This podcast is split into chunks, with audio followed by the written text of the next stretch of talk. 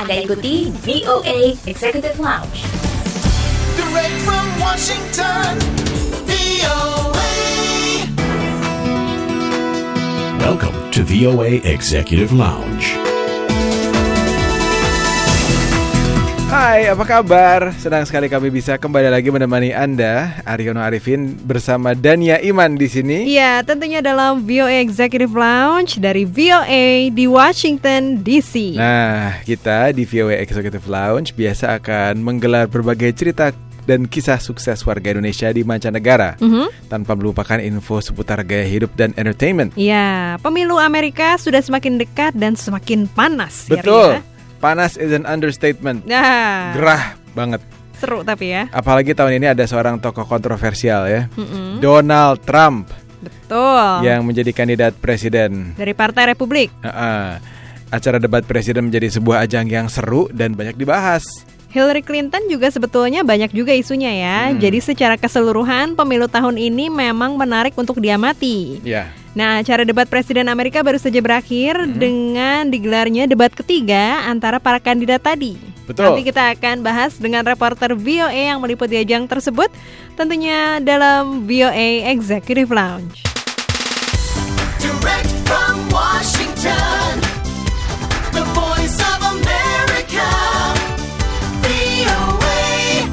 VOA Executive Lounge dari VOA di Washington DC bersama Ari juga Dania. Sebelum kita lanjut ke bagian wawancara di VOA Executive Lounge, Mhm. kita simak dulu ya informasi yang satu ini. Ya, kali ini ada informasi menarik tentang proyek sepatu yang bisa membesar size-nya untuk misi kemanusiaan. Waduh, Kita langsung aja bergabung bersama Lea Johannes.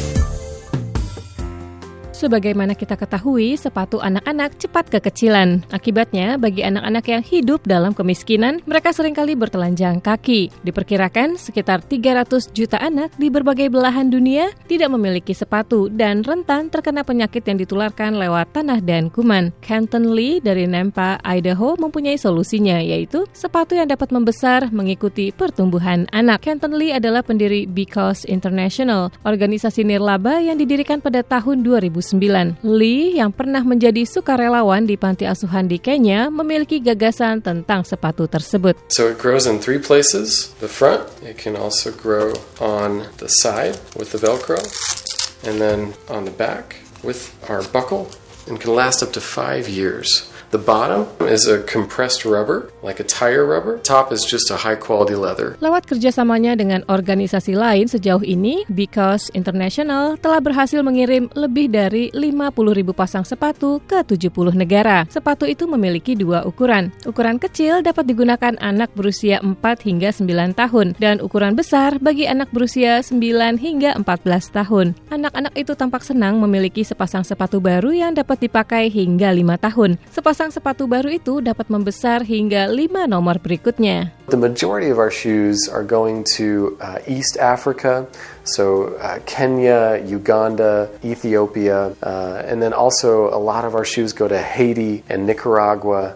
some of the Central American countries as well. Lee juga mengatakan bahwa kebanyakan anak yang tinggal di sana tidak mempunyai sarana kebersihan yang memadai. Banyak kuman penyakit yang masuk ke dalam tubuh lewat kaki yang telanjang. Mereka sakit cukup lama dan tidak mampu mendapat perawatan medis. It's really heartbreaking. They stay sick for a long time. They're not able to uh, afford the medical care, and so a lot of them just really fall behind. They don't go to school and they don't learn and grow as a child should. Lee meyakini bahwa sepasang sepatu itu memberikan lebih dari sekedar perlindungan, tetapi juga martabat. Lee berharap dapat mengirim sepatu-sepatu tersebut ke sebanyak mungkin anak di seluruh dunia. Because it's a small thing that really does make a big difference to keep them healthy and happy and having more chances to succeed.